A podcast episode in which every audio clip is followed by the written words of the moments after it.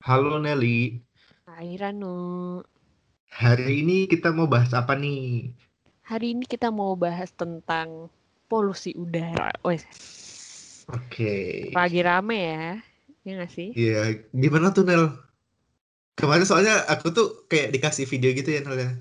Terus gimana Nel? Oke, Kenapa lanjut. Nelly, eh, kenapa Nelly tiba-tiba eh, nonton video itu terus nge-share ke aku gitu? Kenapa tiba-tiba? Sebenarnya sih eh, Heeh. karena pertama isu polusi udara ini udah dari lama banget. Mungkin kalau kita Iya, tarik benar. ke 20 tahun lalu atau 10 tahun lalu pun ini isu tuh udah ada nggak sih? Hmm, Bukan hmm, hmm. bukan isu baru. Tapi Betul. kenapa sekarang jadi kayak panas lagi? Karena polusi udara di Indonesia, khususnya Jakarta, itu tuh Hmm, lagi bener-bener sekurang bagus itu sih Ran. Walaupun ini isu udah dari sebelum pandemi juga ya. Maksudnya isu Iya, sebelum pandemi kabut eh, ada kayak asap gitu di Jakarta. Waktu pandemi eh, agak terang gitu keadaannya jadi kayak asapnya lagi menurun. Tapi setelah pandeminya eh, PSBB-nya selesai atau setelah masyarakat boleh beraktivitas kembali Hmm, lagi ke seperti semula gitu. Jadi kayak hmm, hmm. mm, bisa dibilang ini jadi isu baru lagi nggak sih? Iya, iya, iya. Aku eh, sebenarnya ya nganggap hal ini tuh udah seperti hal yang lumrah gitu nggak sih? Kayak yang udah saking lamanya permasalahan ini dan kita nggak punya solusi yang baik gitu kan. Jadi aku ngerasa kayak ya udahlah gitu kan sebenarnya kemarin ya setelah nonton eh, videonya Nelly gitu. Dan untuk ukuran di daerah Jabo- Jabodetabek sendiri ya menurut aku tuh kayak susah sih Nel buat di apa ya namanya? Buat dikurangi gitu atau di eh, apa? Diatasi lah permasalahannya. Karena kan di situ tuh banyak ini nggak sih kayak Kawasan pabrik industri atau betul. kawasan industri gitu. Mm-mm. dan emang sewajarnya ya kawasan industri itu seperti itu. Cuman menurut aku yang mungkin perlu kita telusuri lebih jauh tuh eh, penanganannya sih. Maksudnya kayak mereka kan biasanya ada nggak sih kayak yang eh, udara atau limbah udaranya tuh kayak diolah gitu ya nggak sih biar lebih layak lah gitu buat Mm. dikeluarin ke ke mana ke Masyarakat keluar gitu. masyarakat gitu. Nah, Mm-mm. plus lokasi juga mesti di eh, harusnya ya harusnya lebih dilihat gitu loh kayak eh, dekat nggak sih sama per- permukiman masyarakat atau apa? Karena setahu aku ya kalau di daerah kita di Indonesia tuh memang yang namanya tata kota tuh agak apa ya agak nggak begitu diperhatikan sih. Jadi kayak Betul. ngasal aja gitu loh. Daerah industri di mana sebelahnya terus daerah perumahan atau nggak ada rumah orang di tengah kota misalkan atau apa kayak nggak je- nggak beraturan gitu loh. Jadi yang namanya tadi polusi itu ya nyebar gitu ke mana-mana jadi gitu sih menurut aku. Eh, bener juga sih kata kamu Ran. Jadi kayak kawasan industri pun di sebelahnya bisa Mm-mm. ada rumah masyarakat dan Iya, orang-orang tuh terdampak gitu kan. iya Bahkan ada bener yang ya kan ada limbah, ada bahkan maksudnya nggak nggak jarang gitu. Aku waktu itu kebetulan aku pernah magang di salah satu stasiun berita bukan bukan stasiun berita sebuah media gitu ya sebuah media terus eh, ada berita di mana masyarakat yang kayak anak-anak SD itu mereka kayak kalau ke sekolah itu kayak bukan dilarang sih kayak eh, intinya orang-orang pada protes karena debunya sangat tinggi karena itu kawasan industri. Terus anak-anak jadi mengalami sakit yang mirip-mirip gitu, ada sakit tenggorokan, sakit paru-paru, ispa dan dan itu tuh berjalan dari waktu ke waktu masih ada gitu sekolahnya masih ada sih tempat industrinya dan masih ada pemukim- pemukiman penduduknya. Jadi kayak Hmm, hidup aja kayak nggak terjamin gitu loh kualitasnya. iya Maksudnya iya udara bersih aja yang seharusnya semua orang tuh bisa dapet tuh enggak gitu. benar. Kayak gitu sih. Itu sih yang kayak sebenarnya bingung nggak sih Nel kita kayak serba salah nggak sih? Kayak lu mau nyalain industri, tapi industri itu juga eh, apa faktor buat apa penggerak ekonomi kita gitu. Jadi kayak bingung gitu loh mesti ngapain sebenarnya kan gitu. Mm-mm. apalagi Jakarta juga eh, eh, apa kota gede kan termasuk kota metropolitan yang mana sebagian besar masyarakatnya juga pakai kendaraan bermotor. Betul. Nah jadi kayak saling apa ya terakumulasikan gitu loh. Jadi nggak cuma dari industri, terus ada juga dari eh, motor eh, dan lain-lain gitu kan.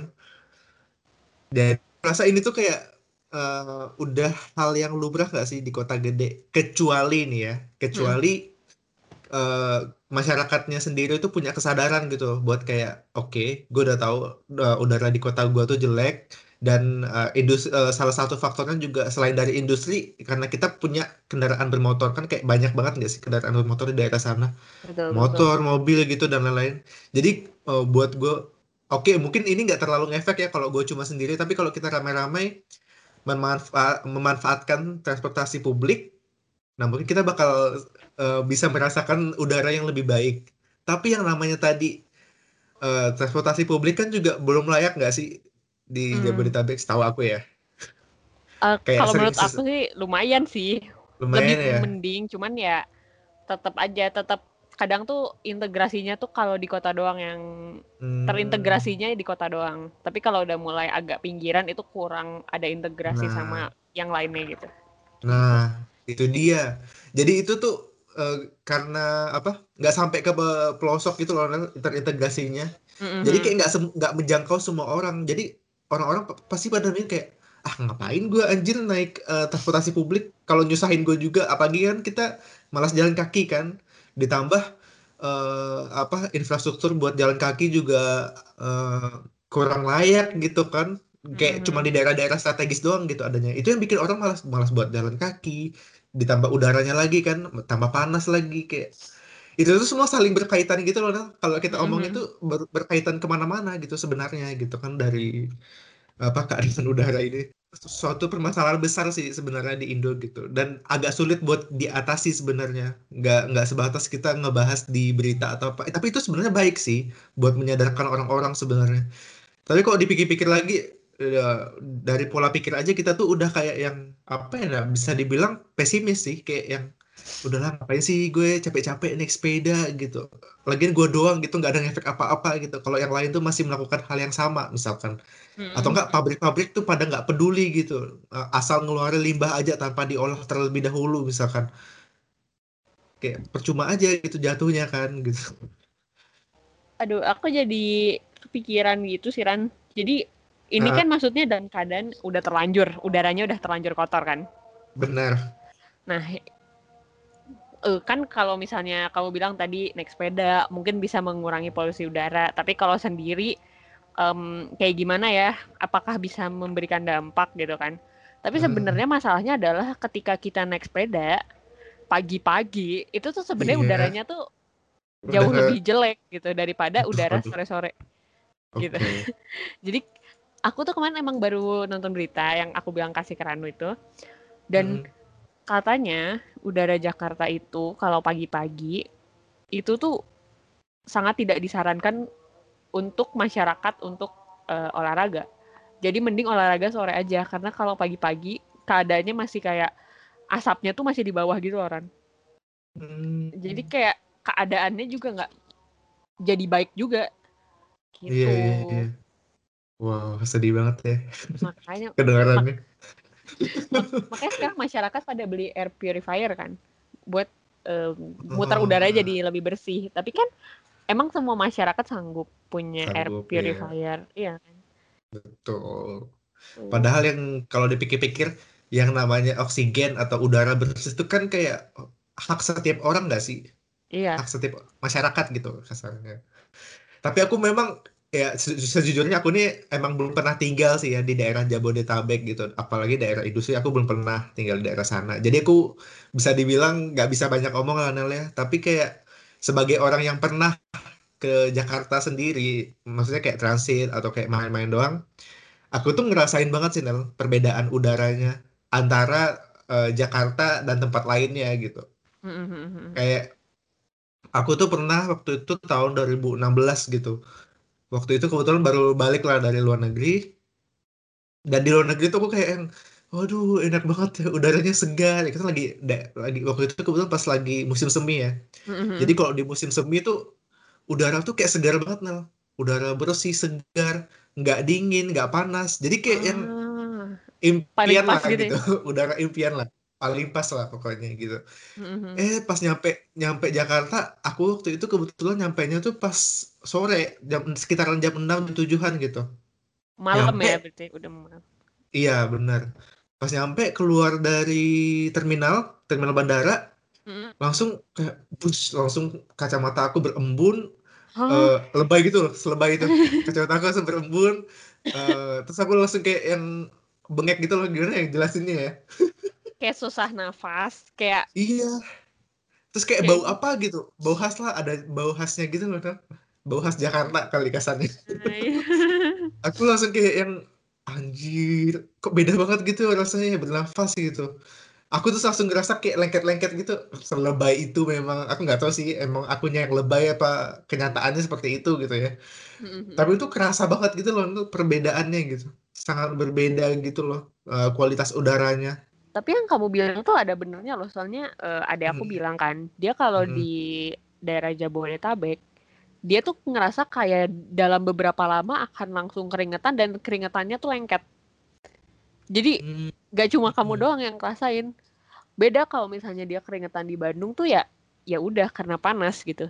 Titik. Nggak lengket, Hmm. nggak ngerasa kotor gitu, enggak. Emang kayak gitu perasaannya.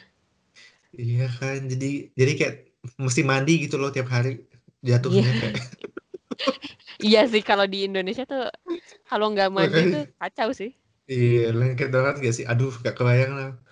Tapi gak usah deh jauh-jauh deh. Kalau kita pikirin juga di luar negeri. Nah, aku kan, Mm. eh, Nelly, Nelly tahu sendiri nih, aku asal dari Kalimantan. Nah, di tempat aku tuh memang sih ada bulan-bulan tertentu eh, apa namanya kual- kualitas udaranya tuh buruk banget. Tapi kalau di hari-hari biasa itu tuh udara eh, yang namanya panas atau yang namanya udaranya tuh bisa dibilang masih segar gitu loh, Nel. Kayak yang Hmm. lu panas tuh beneran panas matahari gitu kayak aku nggak tahu ya gimana ngomongnya tapi kayak eh panasnya tuh panas yang beneran panas gitu Mm, maksudnya mencak bukan apa? panas karena polusi gitu aku nggak bisa Ah. ngejelasin sih ya per- apa secara detail perbedaannya tapi kalau orang buat orang-orang yang pernah merasakan itu mungkin kalian ngerti lah ya harusnya gimana itu sih yang aku rasain.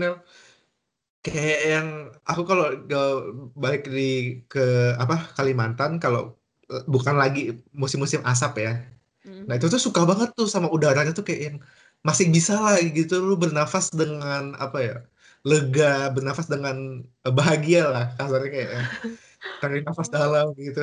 Mungkin orang kalian-kalian yang di daerah Jabodetabek nggak pernah ya ngerasain itu sombong banget ya kayak Sulit ya lah. iyalah wajar iya sulit.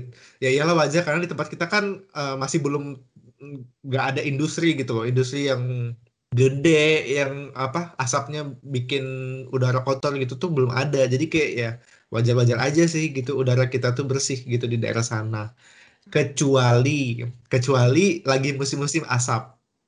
Kalau lagi musim-musim asap iya kalau lagi musim-musim asap dulu terutama pas zaman-zaman aku masih SD itu tuh sampai masuk ke rumah Del terus kayak setiap keluar rumah tuh juga mesti eh, apa namanya pakai masker terus. Aku sampai yang kayak udahlah gitu. Gue tuh udah muak gitu Eh, hampir setiap hari pakai masker. Apa iya. Lu bangun tidur bangun tidur kan ki- kita biasanya berharap udara itu segar ya dingin Mm. bersih gitu kan. Enggak bangun tidur nyiumnya udah bau asap. Astaga, itu asap apa coba Coba ceritain kenapa bisa berasap. Asap dari pembakaran sih Nel. pembakaran ladang atau Hmm. pembukaan ladang sih. Eh, pembukaan lahan juga. Pokoknya terakumulasi lah. Jadi nggak ladang nggak nggak pembakaran hutan nggak eh, buat kebun juga. Gitu sih. Jadi kayak se- jadi bencana gitu jatuhnya. Sampai terkadang eh, apalagi kalau udah malam gitu ya sampai bikin kabut gitu loh sampai nggak kelihatan tuh. Oh, apa jarak pandang kita tuh sampai kayak nggak jauh gitu loh jarak pandangnya. Sampai bahaya lah termasuk bahaya gitu buat kita berkendara atau apa gitu. Itu sempat tuh dulu kejadian di tempat aku di Kalimantan. Itu sih yang kayak jadi permasalahan buat kita juga sih Eh, Mhm. kayak gimana caranya gitu.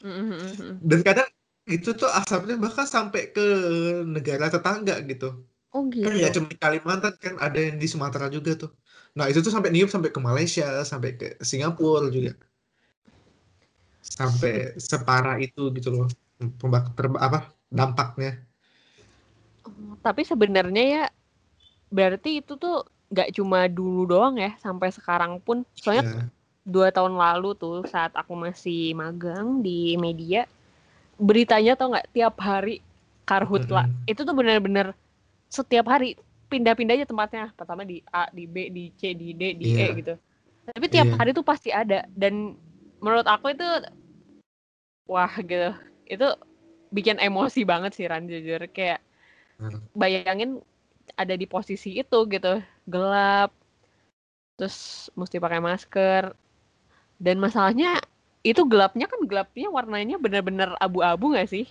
Iya. jadi kayak melihat juga susah pakai cahaya lampu juga sebenarnya nggak terlalu ngaruh gitu. Aduh. Itu sih yang dulu tuh ya paling parah tuh sampai kayak gitu nah. Cuman ya, yang aku paling kasih tuh ya paling orang-orang yang ini sih yang kayak anak kecil atau enggak orang-orang yang rentan gitu loh. Kayak kebanyakan juga mereka di dalam kamar biasanya gitu. Kayak waktu aku balik 2019 tuh terakhir. Mm-mm. Itu juga lumayan parah tuh kebakarannya. Nah. iya sampai keponakan aku tuh cuman diam di kamar doang gitu. Keluar kamar aja tuh udah asap gitu, udah bau asap dalam rumah gitu. serius Kayak separah itu serius, udah sampai masuk ke rumah. Terus tapi kita kita yang yang tua-tua kayak ya udahlah gitu, udah kayak biasa anjir. Iya kalau anak kecil kan Lama-lama takut ya sakit iya. Lama-lama kita kayak ngerasa udahlah paru-paru gue kayaknya udah beradaptasi lama-lama gitu. Saking spesimisnya gitu loh sama hidup anjir. Udah nggak tahu lagi mesti ke mana kan lari kayak di mana-mana tuh asap gitu loh kayak lu bingung mesti lari ke mana gitu. Kita nggak ada yang tahu gitu mesti ngapain juga gitu. Yang namanya helikopter buat eh, mademin apa sih? Yang buat Api, ambil air asap. buat mada- madamin api ya itu tuh udah bolak-balik bolak-balik gitu loh tapi percuma gitu. Menurut aku tuh kayak nggak ngefek kan. Kayak kayak nggak tahu lah dengan mesti dengan cara apa gitu. Yang namanya musim kebakaran hutan ini bisa diatasi atau bisa dikurangi lah paling tidak gitu loh dengan cara apa kayak nggak tahu sih intinya Hmm. pokoknya tiap tahun terutama di musim kemarau tuh biasa kejadiannya apalagi kan musim kemarau di daerah di daerah Kalimantan kebetulan tanahnya tuh tanah gambut gitu nah tanah tanah akar-akar gitu nah jadi pas di musim kemarau tuh juga nggak orang bakar tuh juga bisa kebakar gitu loh Kebakar sendiri. ditambah iya. orang bakar ladang iya makanya jadi tuh kayak apa ya terakumulasi gitu loh eh, si asap-asap ini tuh. Entah dari manusia lah entah dari alam lah. Jadi kayak makin parah gitu loh jatuhnya. Itu sih yang jadi permasalahan kalau di daerah tempat tinggal aku di Kalimantan. Paham, paham. Ya intinya sebenarnya masalah polusi ini nggak cuma di Jakarta ya sebenarnya. Di, iya di daerah-daerah lain juga ada polusi yang sumbernya tuh beda-beda. Ada yang kalau di. Jakarta kan industri, kalau di daerah Kalimantan dan sekitarnya itu kabut asap, kebakaran. Tapi menurut aku ini salah satu yang urgensi sih, eh, urgensi yang dibutuhkan supaya kita tuh mulai memperhatikan polusi udara karena katanya ya kan kalau dari berita yang aku baca polusi udara bisa memangkas lima tahun masa hidup gitu jadi kayak itu ngaruh banget gitu ke masyarakat ke manusia dan pasti penyakitnya juga eh, bronkitis penyakit paru-paru ispa itu pasti Hmm. akan mudah kan Iya, gitu sih. iya. jangan sampai nanti kita kayak walaupun em, kita nggak tahu ini kapan ya cuman jangan sampai kayak po oksigen aja jadi ada harganya gitu mahal Iya. padahal itu kebutuhan primer banget kayak sebelum makan pun harus ada oksigen kan Iya. udah bukan pangan sandang papan iya setiap saat Heeh. serem sih Aduh. oh ya btw waktu SD Mm-mm. Jadi dulu salah satu guru IPA pernah ngomong kayak pagi-pagi adalah saat terbaik untuk mengambil oksigen gitu-gitu kan. Setelah Iya, aku iya. dengar yang kayak berita kalau pagi-pagi itu paling berbahaya di Jakarta, aku kayak wah kayak bingung gitu. Ya Bingung. walaupun iya bingung gitu. Walaupun ya guru aku ngomongnya 10 tahun lalu lah. 12 tahun Iya. lalu, 13 tahun lalu maksudnya ya oke mungkin menurut kita itu udah belum tentu relevan untuk sekarang tapi maksudnya nggak nggak habis pikir aja sih Ran kayak Mhm. gitu sih Iya bener banget sih Nel. Kita kayaknya eh, terkadang ya misalkan mungkin di 10 tahun itu tuh relevan gitu tapi kayak 10 tahun kemudian mungkin keadaan tuh bisa berubah gitu dan udah nggak jadi udah nggak relevan lagi gitu kecuali uh, mungkin di daerah-daerah yang masih apa ya masih hijau terus nggak nggak daerah industri gitu nah itu tuh Hmm. mungkin masih itu ya bahkan ya Masih. Sampai sore hari juga masih segar gitu udara setiap saat gitu nggak cuma di pagi hari kan gitu Mm-mm. Tergantung daerahnya sih ya. benar Huh. Tapi aku paling suka loh Nel, sekarang nih kalau aku misalnya pulang ke Kalimantan nih. Terus Hmm. nggak lagi di musim eh, apa asap, bahkan aku bilang musim asap anjir. Nah itu Baru ya itu. itu tuh kalau iya, itu tuh aku kalau udah main ke daerah apa, daerah hutan atau apa lagi jalan-jalan ke daerah sana, terus aku kayak bernafas aku tuh sedalam-dalamnya gitu loh kayak yang bernafasnya tuh gila sih seneng banget gitu. Aku tuh kayak bersyukur banget bisa merasakan udara sesegar itu gitu. Apalagi kalau masih di pagi hari ya Nel ya.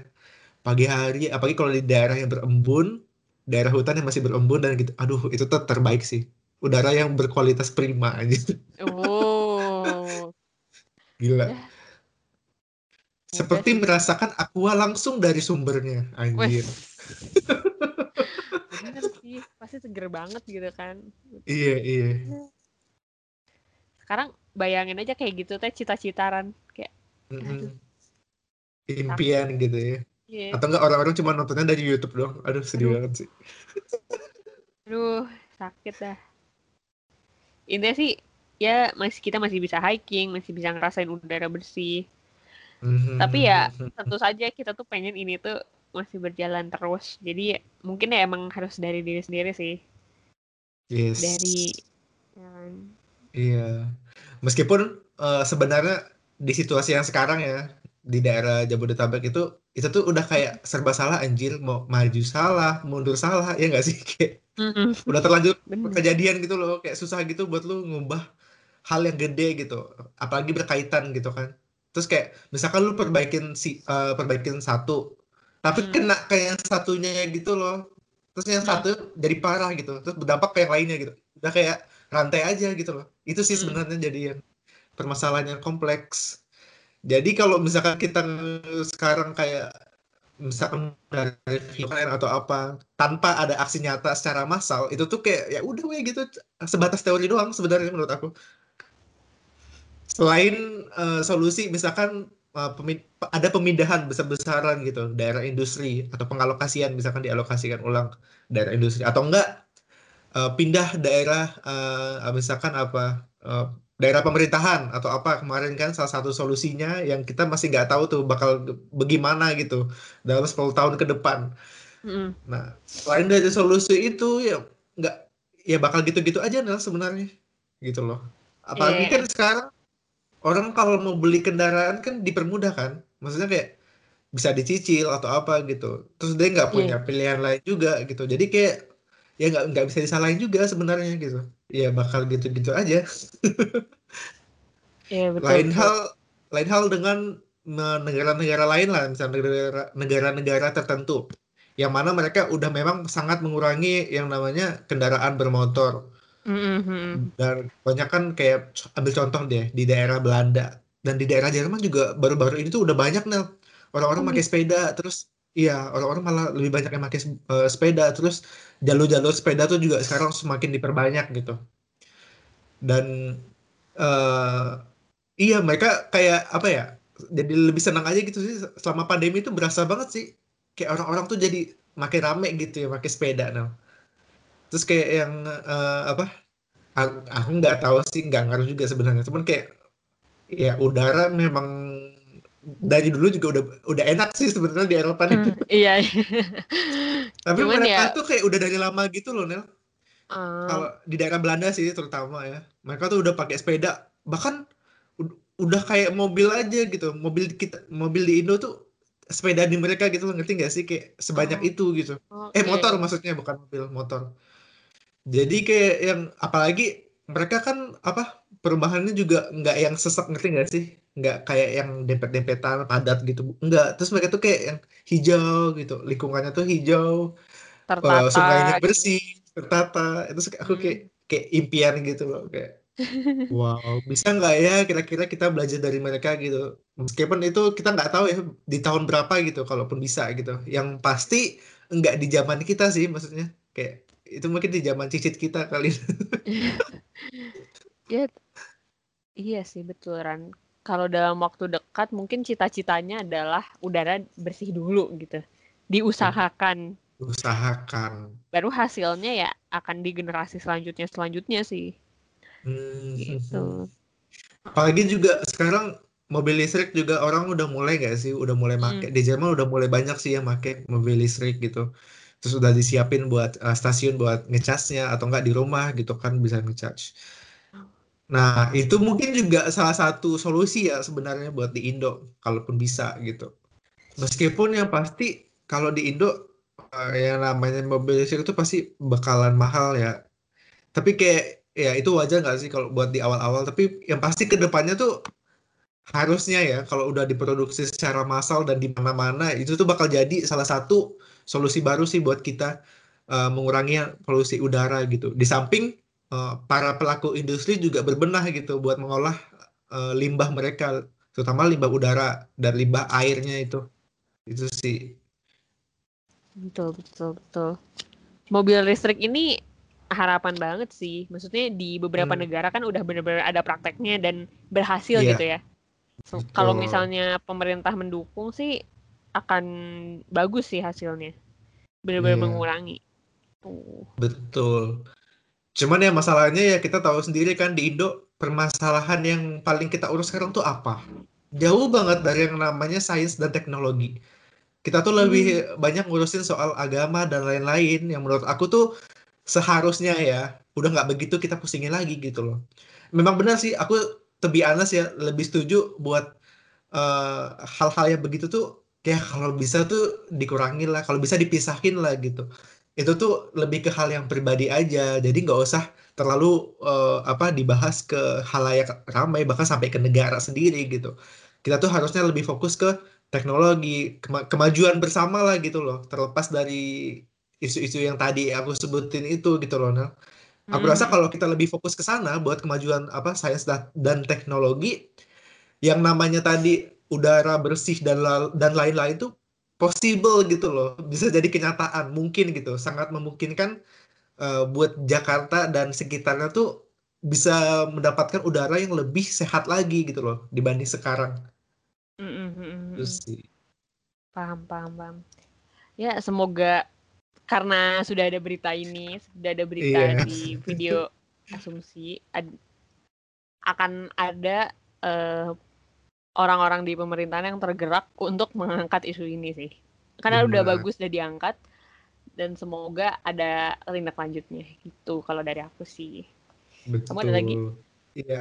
Dan meskipun ya mungkin ya mungkin aja ya mungkin aja eh, nggak uh, bisa nggak ngefek lah ke pemerintah sekarang tapi yang paling tidak ke generasi-generasi yang akan datang sih harusnya tuh udah melek lah sama hal-hal yang begini gitu jadi nggak sebatas retorika doang atau nggak sebatas tuh pas mau kampanye doang lu ngomong beginian gitu tapi pas udah lu dapat posisi lu lupa gitu kan kasar hmm. banget ya anjir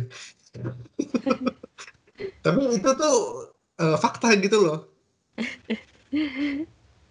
Mm-hmm. Itu doang sih Nel sebenarnya yang pengen aku sampaikan di penghujung acara kita hari ini, episode kita kali ini.